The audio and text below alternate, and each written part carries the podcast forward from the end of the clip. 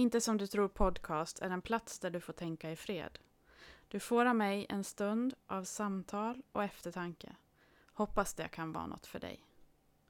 Jag som leder podcasten heter Anna Stenqvist och jag är pastor, författare och skribent.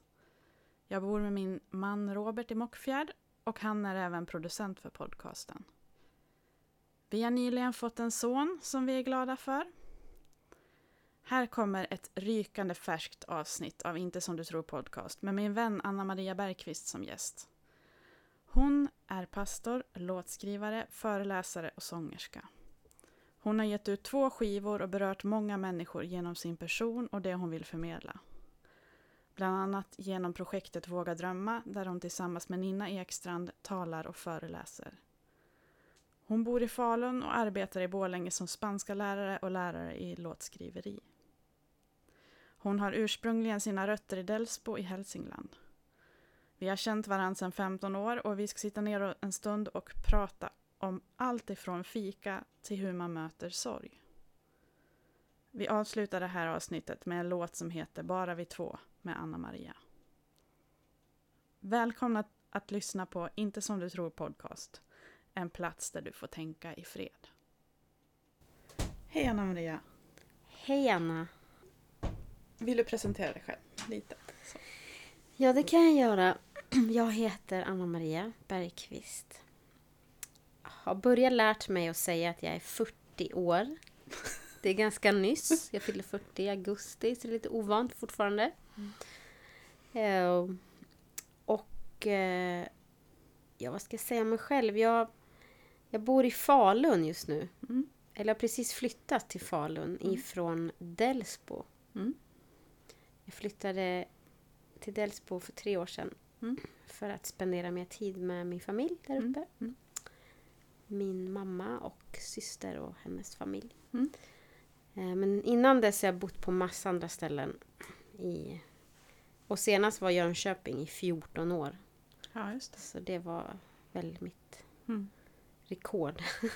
Där var jag och hälsade på dig på Torpa, tror jag. Ja, det stämmer nog bra. Ja, för vi lärde känna varandra för 15 år sedan tror jag. Någonting sånt. Det är så länge sedan. Mm. Tänk vad tiden går. Jag satt och räknade på det för att jag gick bibelskola och du var ledare och jag var hjälpledare. Just det. Och då stormade du in där. Och så sa de, det kommer en jättebra ny tjej hit som ska börja jobba som ledare här på långsanslinjen. Och så var du där. Och det var jättekul. Ja, vi hade ett väldigt bra år. Och vi lärde ju verkligen känna varandra. Ja. Så drev du med mig på festen sen för att jag kom med min handväska springandes i högsta hugg hela tiden. Det har jag glömt. ja. Men det kom du ihåg. Ja. ja. men det var kul och det var en rolig klass. Och ja. Det var ju min första klass. Ja. Så det var ju utmaning. Men det var ju drömjobbet. Ja. TMU är bra. Sägs att det är bra fortfarande. Ja, riktigt bra. De har faktiskt de har fulla klasser nu. Ja, vad bra. Så det är kul. Bra, bra skola. Jag vet fler som går där just nu, så det är kul. Mm. Ja, jag skulle vilja bara prata lite med Anna Maria för att jag har bjudit in henne för att hon är en bra människa som jag tycker väldigt mycket om. Och jag tycker att hon brukar aldrig när hon skriver sånger, för hon är sångerska och hon är pastor och hon är spanska lärare och hon är allt möjligt. Men när hon skriver sina texter så brukar det aldrig vara klyschigt. Det brukar aldrig vara på ett sätt som, som gör att jag känner mig trängd utan det känns alltid positivt. Alltså att det berör mitt hjärta på ett positivt sätt. Eh, jag minns att jag faktiskt när min egen mor begravdes sjöng en sång som Anna Maria skrivit. Och den berörde mig så otroligt djupt. Och det var flera som sa efteråt att den var så stark så att jag berörde deras själar med den sången. Ehm, så det finns många saker och sen har vi hållit kontakten de här åren. Så det är mycket som har hänt. Mm. Mycket som har hänt som kan hända i ett liv på 15 år. Liksom. Mm, verkligen. Vad roligt att höra säga dig, dig säga allt. Ja. Sången är ju mitt sätt att kommunicera. Ja. Eh, jag älskar att jobba med texter. Ja. Och liksom, just det här du säger att inte, det får inte bli för klyschigt utan jag vill verkligen, jag vill måla livet som det är, säga som det är. Ja. Men sen är det också den här Ja. perspektivet som jag känner är så viktigt. Ja. Att det finns en väg ut, det finns eh, eh, himlen finns. Ja. Eh, tron på, på Gud och, som är en trygghet och vill ge det hela tiden i sångerna. Samtidigt som man målar det som är svårt i livet. Och Ja. jag tänkte på det, jag var ute och gick här häromdagen och så tog jag en bild på höst, Mm. hösten Mm. på träden och sådär. Och, Mm. och jag tycker det är så fantastiskt vackert med hösten. Mm. Och samtidigt är hösten så svår Ja. också. En svår tid Ja. som jag sammankopplar mycket med, med svår tid liksom. Men Mm. samtidigt, och så är den vacker då. Mm. Att båda de här grejerna Mm. är livet på Mm. något sätt. Det vackra och det svåra. Mm. Eh, Så det kanske kan bli en sång om Mm. snart. Mm. Jag, skrev, jag skriver ju, skriver och då skrev jag en text faktiskt en gång. Du kan ju få låna den om du vill. Ja, Eh, Livet är både och. Heter den. Åh, Den går lite så här. När jag eh, försöker knyta ihop alla påsar och eh, det som sanden som rinner mellan fingrarna är det som skrämmer. Så vill jag ändå öppna min dörr för livet är både och. Grymt. Ja. Du kan få ta den sen Ja, om du vill. ta den sen. Precis. Nej men det, det är verkligen så, livet är både och. Jag tror att man måste landa i det, de här vardagarna när man tycker att det är grått eller det gör Mm. ont eller man bara känner att åh nu är det så segt eller det kommer saker som folk är med om runt en eller man själv är Mm. med om något som gör ont. Så det är liksom livet också på Mm. något vis. Det är ju det. Jag kanske skulle säga det också. Du sa ju, du rabblar ju några grejer som jag håller på med. Eh, och det glömde jag säga. Men jag jobbar ju just nu som, som spansklärare Ja. i Borlänge och även har musik. Mm. Eller har även musik och Mm. då har jag bland annat låtskriveri Mm. Med elever. Mm. Och eh, då pratar vi mycket om det här. Eller jag säger utifrån mitt perspektiv att, att jag tycker texter är viktigt. Mm. Jag har en kollega och det är jättespännande. Han, han tänker ju mer mus- musik Ja. och tänker inte så mycket på texter. Mm. Och det, jag tycker det är fascinerande att man kan tänka så olika Mm. kring musik och så. Ja. Eh, Men för mig är texten det huvudsakliga. Ja. Liksom, vad vill jag förmedla? Och Ja. försöker jag säga till eleverna också att det handlar om att förmedla något som går in i hjärtat. Ja. Eh, Så det är ju fantastiskt att man får hålla på med det ja. som sitt Wow. jobb. Vad häftigt. Det är jätte, jättebra. Jättekul. Ja. Så ja, jag har ju den tjänsten då på några procent och sen så frilansar jag på helger. Mm. För det mesta föreläser då Ja. och sen eh, predikar och sjunger. ja. Men du har ett projekt som heter Våga drömma. Ja, tillsammans med min goda vän Nina Ekstrand Mm. så startade vi ett projekt. 2012 började väl DC, Dagens ljus, då vi började bolla idéer och tankar kring, Mm. kring Våga drömma. Och eh, det började, det började ganska som en rolig eh, skämtgrej. Ja. Att vi satt hemma hos henne i Stockholm och, och började fundera på... Eller jag satt och läste tidningen Dagen, Mm. en kristen dagstidning, och då slog jag upp en sida och då var det en annons, det var två killar som är ute och pratade om växtverk. ja, just det. Eh, Det handlar om att gå från barnatro till vuxentro. Ja, just det. Eh, Karl-Henrik Eklund och Micke Jonsson. Mm. Och då sitter jag och så tittar jag växtverk och så tänker jag Men Ninna, skulle inte vi vara ute och prata om sånt här? Fast Mm. kanske prata, alltså göra en sån här grej med Mm. musik och bilder och, Mm. Och dela våra liv. Och så höll vi på att skämta om det här att vi var, var singlar båda två. Mm. Och att vi hade så svårt att hitta någon att leva med. Ja. Och då sa jag mensvärk kanske vi ska kalla oss då. så det var vårt arbetsnamn från början. Men så tänkte vi det kanske inte slår med det namnet och åka ut och runt i kyrkor. Så då, men så pratade vi om då Eh, eh, Nina har ju, har ju gått igenom skilsmässa och, Ja. och eh, barnlöshet och hon pratar om det här Mm. när vi är ute så att det här får jag ju berätta. Och, Mm. eh, hon delar de sakerna, hennes resa kring det. Tuffa och hur Gud har upprättat henne. Och, och sen eh, pratar jag om livet som singel. Ja. Och när man kommer upp i åren och fortfarande lever själv och kanske förväntas ha familj då. Eh, och hur... Det som triggade mig var väl att många vänner jag hade, de, de väntade på en man bara. Mm. Och kanske inte levde ut sina drömmar och längtan och Nej. så här. Utan man tänkte mest på att man ville hitta en man. Och då kände jag att det vill ju jag också. Men jag vill faktiskt leva mitt liv fullt ut. Ja. Eh, och göra något av mina drömmar gift som ogift. Ja. Så då kände jag att det vill jag prata om. Jag vill uppmuntra till det. Ja. Så då skapades Våga drömma. Ja. Vad du än är i livet, Ja. heter det. Och då är vi ute och pratar om de här frågorna och berättar. Och ja, vad Gud faktiskt har gjort i våra liv. Ja. Eh, och sen så har vi möjlighet till eh, frågor efteråt, samtalsfrågor. Människor får sitta och prata om Ja. olika saker. Och vi har både perspektivet i församlingen. Hur, eh, hur man pratar om de här frågorna i församlingen. Ja. För det är kanske inte alltid man gör det. Nej, just det. Men även tar vi också upp hur, hur ser det ut utanför kyrkan. Ja. Och försöker bredda konceptet lite grann. Så att vi började då, vi hade våran första seminarium i Kaxholmen utanför Jönköping 2013. Mm.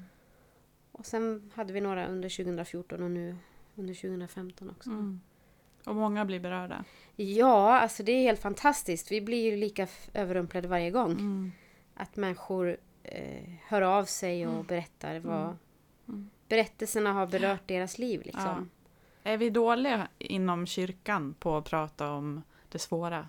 Tycker du nu? Alltså det verkar ju så. Ja. Alltså de reaktioner vi får, vi kan ju gå på dem, Ja. är att, att man, man pratar inte om det här så mycket. Men Nej. att det här kanske hjälper människor att våga öppna upp. Så att på ett sätt är det ju, vi är ju glada att vi får vara med och, och påverka och beröra och så. Men samtidigt är det ju tragiskt att det ska behövas. Ja. Men eh, jag tror att det kan väcka människor att våga öppna sig. Jag tror det är så viktigt. Ja. Vi i kyrkan är människor, bara Ja, människor allihopa. Och vi har alla bagage. Och vi behöver öppna upp och våga prata om sakerna. Ja. Nu är det ju så, det vet man ju, man ska ju inte berätta allt för alla. Men att vågar inte någon öppna upp, då blir Mm. det ju bara ytligt Mm. allting. Precis. Så att, eh, det, det behöver ett stort behov att våga visa att man Mm. är människa. Och kanske också det där äh, komma ifrån de här standardfrågorna. Liksom. Vad jobbar du med? Ja, Jaha, är du singel? Eller precis. jag har ni barn? Eller, Att inte hela tiden fokusera på, Nej. för det tar vi också upp mycket här kring mm, vad vi lägger värde i. mm, Civilstånd, att det är viktigt. Ja. Eh, och, Mm. det kan ju vara väldigt känsligt också. ja, Till exempel om man då ja, exempelvis har svårt att få barn och så får man frågan när ska ni skaffa barn? Ja, man får vara väldigt försiktig tror jag. ja, Och sen, eh, ja, är du fortfarande singel? ja, Ja, ja, det är jag och det är helt okej liksom. ja, Och det måste vara lika fullvärdigt som att jag skulle vara gift, Ja. tänker jag. Ja. Mitt liv ändå är lika fullvärdigt. Och de här fördomarna man kan ha eh, om hur en människa har det utifrån vad den har då för yrke eller vad den, vad den har för civilstånd eller om den har barn. Mm. Att det är liksom det blir som ett paket som man öppnar en dörr liksom och så tror människor att jaha men då är det här jobbet för dig eller är det här Just. och så kommer de här följdfrågorna som Mm. man inte orkar svara på ens. Nej, precis. Och då kanske man ska, det har jag tänkt mycket på själv, då kanske ska låta bli att fråga hur det är eller låta bli att liksom diskutera det på, när det blir sån ytlig mingelkänsla. Liksom. Ja, det det krävs ett rappt svar för folk har ändå inte tid att lyssna. Liksom. Nej. Nej, precis. Det är både och det där, för samtidigt vill man ju veta någonting. Man vill Ja. ju veta och höra Ja. hur en människa har det. Men samtidigt kanske man får vara mer försiktig med vad man ställer för frågor också. Ja, Det är, ja, det är svårt. Det Det, är inte är helt svårt. lätt Nej, alltså. nej. För man ska ju inte sluta fråga heller. Nej, jag tycker att, inte heller det. Det har jag också kommit fram till. Så Ja. långt har jag i alla fall kommit. Ja. Att, att jag vill inte sluta fråga helt. I alla Nej. fall inte mina vänner. Nej, men det jag. tycker jag faktiskt inte man ska. Nej. Jag tycker att det, det tycker jag man ska. Ja. Ja, annars blir det väldigt, tror jag, då, då blir det ytligt istället. Ja. Och så vet man inte, trippar man på tå i relationerna och det tror jag inte är sunt. Nej, Så, sen får Nej. den personen välja Ja. vad den vill säga. precis. Ja, Och precis. sådär. Är du sån som kopplar av när du är bland folk? Eller är det både och? Om du skulle behöva dra dig undan ibland och vara för dig själv? Det är nog både och tror jag. Jag är ju väldigt social människa. Ja, ja. Jag tycker det är kul med folk. ja. Eh, sen har jag varit en period, jag var ju sjukskriven i, i våras till exempel. Mm. Och då känner man ju att vara bland massa folk Mm. kan, kan vara jobbigt också. Mm. Men samtidigt minns jag det nu när jag tänker efter att jag mådde bra av att vara det också. Vara bland folk. Ja. Eftersom jag tycker det är, Mm. är härligt. Mm. Men visst, tid att dra mig undan är också väldigt Ja. viktigt för mig. Absolut. Men jag Ja. menar, jag känner mig avslappnad här med dig. Mm. Det är bra. Liksom när man är med vänner som är vänner på ett djupare plan. Mm. Då slappnar man av otroligt mycket. Ja, Liksom. bra. Så det gör jag nu. Nej, för jag minns en gång jag skulle vara på praktik en gång och så var jag på ett ställe och så, eh, så träffade jag en eh, person där som och då hade jag en dålig dag en, en gång. Och då så sa hon till mig att och hon var från Spanien. Och hon bara Men kom igen Anna, du mår inte bra av att sitta där själv och Kom nu Mm. så ska vi ut och ta picknick i parken och Ja, bara du behöver vara bland folk liksom. Ja, just det. Och jag kommer ihåg att det var en sån här milstolpe i mitt liv att jag bara insåg att nej, jag är inte riktigt bara så Nej. lätt där. Utan ibland behöver man också tid för sig själv. Mm. Mm. Och jag tror att det kan vara nyckeln ibland ut bland folk igen för att man har hämtat kraften liksom. Precis. Men sen är alla olika. Det är ju så. Och det är väl det som är så komiskt då med olika kulturer. För att dels finns det olika kulturer bara inom Sverige. Mm. Men sen andra länder är ju väldigt mycket så här. äh, De har ju liksom mer kanske den här sociala biten på ett Mm. annat vis. De är ju liksom jämt tillsammans. Ja. Stora familjer. De är inte bara det här ja, kärnfamiljen Nej. så som man säger. Utan de är mer, de är ju hela familjer. Mm. Liksom, fastrar, mostrar, mormor. Alla är tillsammans. Hela tiden. Ja, På något sätt. Och ibland har jag lekt med tanken liksom att jag skulle ha ett sånt här tältläger. Så här, Där jag har alla mina vänner som bor typ på samma ställe. så här. Och det liksom skulle vara så gött. Ja. Och så, samtidigt så inser man att det där kanske är någon slags drömbild av himlen eller någonting. ja, precis. liksom- Men jag hade ju den här om veckan när jag hade min 40-årsfest. Ja, Det var ju alla mina vänner samlade Ja. på ett ställe. Och familjen. Det, var, det var som att jag bara, nu stannar vi här, nu Ja. är vi här. Alla tillsammans. Ja. Och dricker te. Och dricker te, viktigt. Och äter choklad. Då fick vi inte ens kaffe på bordet var det tänkt, men sen var det några som tyckte att det skulle i alla fall vara kaffe på bordet, så de rejäla... Men det är, du vet, det är så inarbetat. Det är liksom, det går aldrig ur. Nej. Kaffe får man vid bordet. Te får man gå och hämta vid ett annat bord. Ja. Men på min fest så ville jag ju ha det tvärtom. Men ändå kommer det här kaffet. Eländiga kaffet till borden. Jag, tycker, jag tänkte jag skulle höra av mig till diskrimineringsnämnden faktiskt. I söndags nu när jag skulle fika och skulle ta te då. Då var ju vattnet slut naturligtvis då. Ja, Såklart. Och min spontana reaktion riktigt. var så här. Det är alltid så här. Då lät jag så här jättetjurig. Då fick jag frågan, känner du dig diskriminerad? Ja. Ja. Även te är en viktig dryck. Jag har precis Livets lärt mig att börja dricka det på kvällarna jag vet inte varför, det har bara kommit in i mitt liv helt plötsligt. Det är väldigt gott. Mm, Rött te är väldigt. väldigt gott. Ja, South Africa. Yes, rooibos. Yes, Yes. det gillar vi. Men te och choklad är en viktig ingrediens i livet. Det, det tillhör en av mina saker när jag presenterar mig för människor. Ja. När jag är ute och föreläser eller predikar. Då säger Ja. jag det i inledningen. te Ja. och fika överhuvudtaget. Ja, ja, det är viktigt. Det är en viktig ingrediens. Det är det jätteviktigt. Jag tror inte man överlever annars. Nej, precis. Förutom choklad och te då? Vad är det som, som får ditt hjärta att slå extra fort? Strawberry cheesecake glass. Det är Nej. gott. Det är fantastiskt gott. Det är nog en frälsningsupplevelse tror jag. När jag åt det första gången. Ben Jerrys måste du testa. Ja, jag måste alltså. testa den alltså. Jag kände det. Nej, men hjärtat slår extra fort. Det, det kan ju vara olika, olika saker. Jag är ju väldigt... Alltså när jag är med om något, både något jobbigt, sorgligt eller något roligt så reagerar jag. Ja. Jag skrattar högt och Mm. tjoar och kimmar om det är något. Mm. Och jag gråter högt om Ja. det är något jobbigt. Så. Eh, ja, vad kan slå extra? Det är så mycket som kan slå extra slag för mig. Ja. En, en bra låt. ja. Eller så här. Eh, ja, en...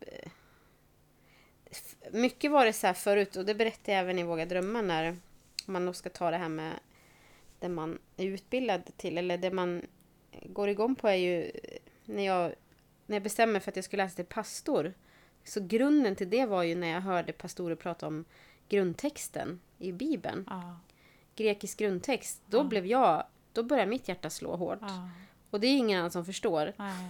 Inte För jag att- heller. Nej, för det blev så här en ny... Bibeln blev eh, mycket mer Ja. eh, lättförståelig. ja, men det kan jag tänka mig. Ja. Eh, om man nu ser till det. Om, Ja. eh, så kan det få mitt hjärta att slå. Mm. Men sen överraskningar. Ja. När saker man inte har vet om eller... Nej. Det, sånt älskar jag liksom. Eh, Kul. och, och bra musik och Ja. ja, allt möjligt. Roligt. Ja. Gött. Vad kan göra dig arg? Eller besviken? Eller få känslor av upprördhet? Eh, Ja, en hel del faktiskt, tror jag. Eh, jag, kan ju, jag upplevs nog som en väldigt snäll eh, person och Ja. det tror jag att jag är också. Ja, Men jag kan ju bli irriterad. Ja. Och det är väl kanske framförallt, det här kanske låter väldigt standard, men det är ju när någon blir felaktigt behandlad Ja. på olika sätt. Kanske mot myndigheter eller i sjukvården eller Ja. man hör så många stories som, Ja. som upprepar sig. Eh, och det gör mig så otroligt arg. Eh, och när man själv blir felaktigt behandlad också. Ja. Och, eh, sen, är, sen eh, avskyr jag ju cancer till exempel. Det är, min pappa dog i cancer bland annat och Mm. många man känner som har gjort det. Och. En sjukdom som ja, gör en arg och ledsen för att den är så vanlig. Och, Ja. Så att, ja, det finns olika saker som, som gör en ledsen och arg. Och, Ja. nej, ja, men nu allt det här med det man ser på tv nu liksom med flyktingar och, och hur man kan...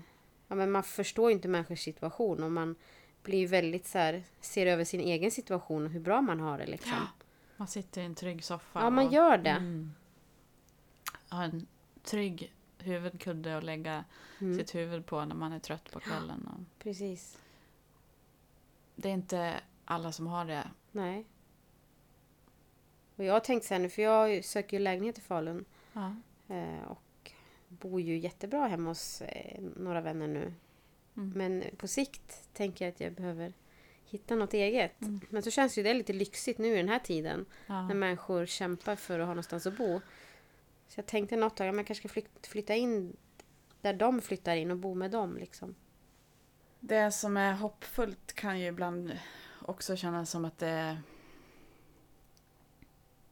man kan inte paketera det hur som helst. Jag vet du och jag pratade om för en stund sedan om att när man tycker livet är svårt och så vill man förmedla hopp så vill man Mm. inte bara klampa in och säga som en clown liksom att livet är käckt och bra eller att det går lätt att göra allting bra igen. Nej, Liksom. precis. Samtidigt så tror ju både du och jag på en gud som kan göra det omöjliga möjligt. Mm. Liksom. Eh, hur Har du tänkt med det? Har du någon gång känt att du har gått för långt eller har du känt att du vet att ungefär hur du ska hantera sådana situationer? Eller kan du fortfarande känna dig osäker liksom? När någon mår dåligt och du vill att det ska bli bättre? Nej men man känner sig alltid liten när någon kommer och berättar Mm. det den går igenom såklart. Men man helst så säger jag ingenting. Nej, just det.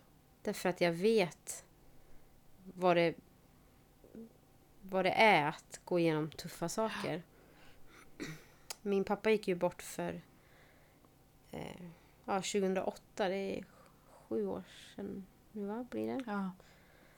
Eh, och i början i den tiden, efter det, man sörjde verkligen och man fick alla möjliga kommentarer. Ja. Eh, som kanske var lite för klämkäcka för Ja. att kunna ta då. Eh, så därför har jag lärt mig att eh, jag vill inte göra det själv. Nej. Jag vill kunna bara vara en, liksom ge en kram eller Mm. bara sitta och lyssna eller Ja. för att jag tror in, inte på att försöka komma med några lösningar. Nej. För det finns inga svar. Eh, och samtidigt vill man i det här ge i det svåra ändå ge ett hopp liksom. Men man får, jag tror att man får vara väldigt känslig för när man ska säga vad och sådär. Och min syster gick ju bort, det är ett år sedan nu snart också. Och det är ju ja, men det är väldigt svårt. Väldigt svårt att, att förstå. Och det går inte att förstå för det finns ju Nej. ingen mening liksom. Nej. Eh, Men man, man har fått otroligt mycket stöd. Och där kan jag känna kanske att människor mer har förstått att man kommer inte med Nej. svar på det utan man bara finns där. Liksom. Ja. Och där, där vill jag säga någonting. Vi pratar om församling Mm. ibland, att församlingen... Man kanske hör ofta att församling inte fungerar för att Mm. men i det här fallet, när min syster nu gick bort så... Den församlingen som jag var med i uppe i Hudiksvall, Mm. det var som att ramla i en famn alltså. Ja. Det fanns så mycket omsorg och, och kärlek och Wow. Vad kul. Vad bra. liksom... De tog hand om hela... Alltså alla vi som fanns i familjen då. Ja. På ett fantastiskt sätt. Eh, praktiskt och Ja.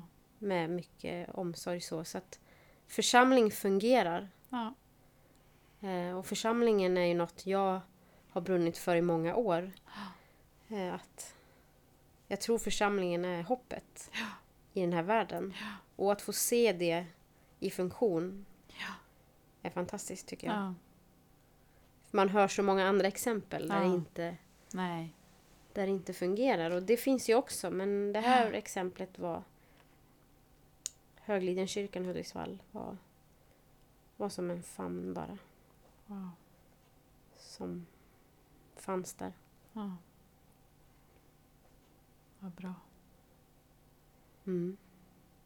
Så att jag, jag tror som sagt att man ska vara väldigt känslig för och, och känna in vad är läge när människor går igenom tuffa bitar. Liksom. Men jag tror att genom att man går igenom tuffa bitar så kan man ju förstå andra på ett annat sätt Ja. än om man inte har varit med om Nej. någonting. Nej. Så tror jag att det är. Men du har ju också varit det. Ja. det... Mamma dog för fem år sedan. Eh, och hon var sjuk en tid innan. Så jag tog väldigt mycket hand om henne. Och eh, såg henne bokstavligen tyna bort. Eh, eh, men det ljusa i det var att jag kände så tydligt att hon var buren, att hon fick en sinnesro på slutet, att hon låg och sjöng fast hon var dement och inte hade någon Mm. direkt eh, talröst kvar så kunde hon ligga och nynna och sjunga på rummet och alla sköterskorna sa att hon var den mest fridfulla av alla. Mm. Och då upplevde jag att det var ett underverk Ja. i det här. Mm. Därför kom det någon form av... Alltså jag har aldrig upplevt någonting liknande. Någon gudomlig frid över att hon skulle hem till Jesus. Mm. Och det var ingenting som jag kunde ha skapat i mig själv. För jag var nog väldigt ledsen och Mm. är fortfarande ledsen för att hon inte är kvar. Mm, såklart. Men eh, jag känner liksom att jag vet vart hon är. Jag är inte orolig. Jag vet att hon har det bra. Hon Mm. har det bättre nu. Mm. Eh, Hon var en väldigt varm och väldigt omtänksam person som Mm. ville att andra skulle ha det bra. Mm. Och nu vet jag att hon har det bäst av alla. Och det är det enda jag egentligen behöver som hopp. Men saknaden försvinner ju inte. Nej, så är det ju. Den kommer nog alltid att finnas där tills dess. Jag tror att man kommer få ses igen i himlen. Mm. Och då kommer alla tårar att torkas bort. Och då kommer det bli fullständig frid, det som är oordning och kaos nu. Mm. Men, eh, men som sagt, saknaden finns kvar och jag kan se en film eller någonting ibland som där det är någon som är sjuk eller gammal eller någonting. Mm. Och då brister det ofta för mig, Mm. för då tycker jag att det blir som påminnelse Ja, om att hon är borta. precis. Men eh, den sorgen har ju på något vis ändå mildrats. De Mm. första åren är alltid värst har jag, har jag hört och det har jag upplevt själv att det, det blir akut på ett annat vis. Mm. Sen har jag upplevt det som att jag efter ett par, tre år började läka ihop liksom. Mm. Och nu efter fem år så är det det är tomt men det är ljusare om Mm. man säger så. Precis.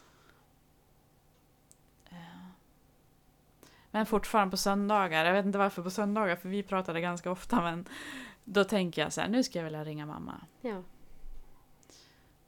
På något vis det här summerandet av livet Just med det. någon, det blir inte av på samma vis. Nej. För vänner, det, det är fantastiskt men det är inte på samma vis som med mamma liksom.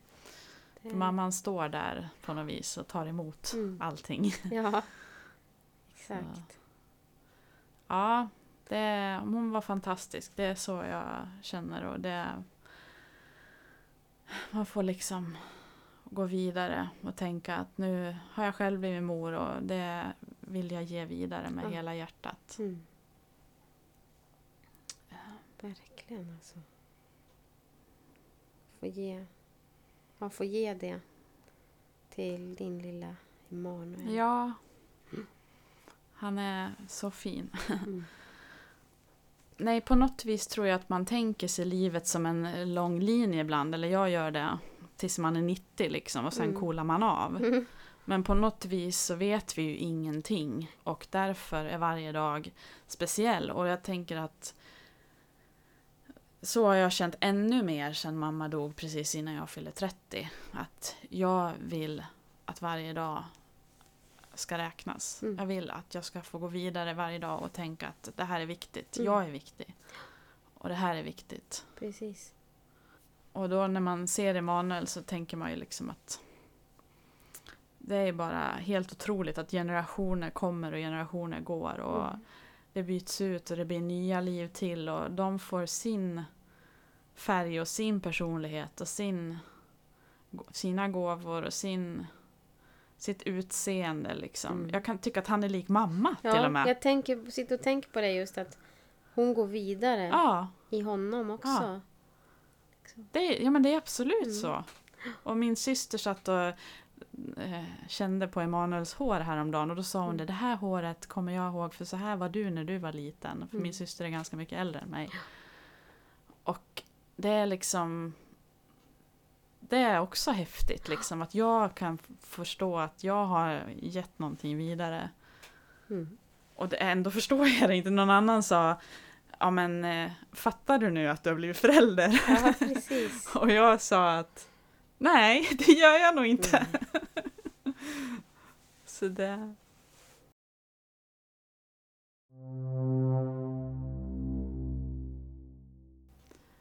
Vi kanske ska avsluta så, Anna-Maria.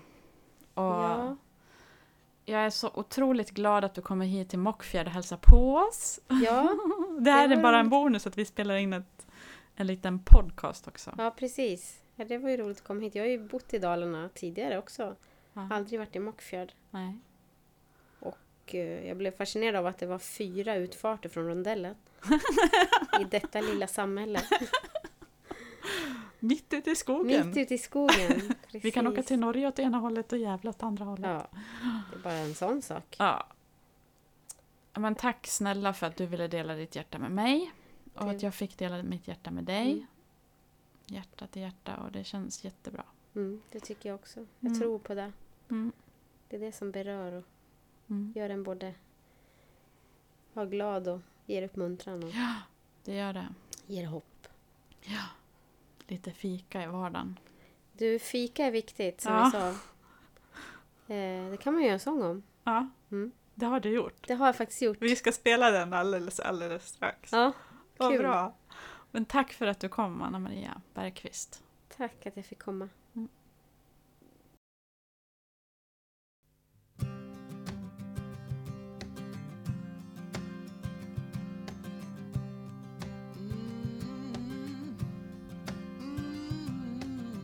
En nära vän kom förbi häromdagen men sa jag kan bara stanna ett litet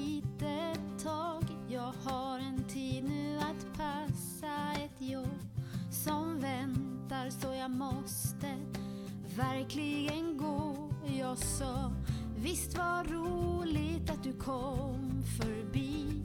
Vi hann växla några ord och snacka Tänkte ändå tyst inom mig att du inte ens öppnar din jacka. Vill du inte komma in? Fika med mig. Ta en kaka eller kex. En bulle eller två. Vi kan sitta och prata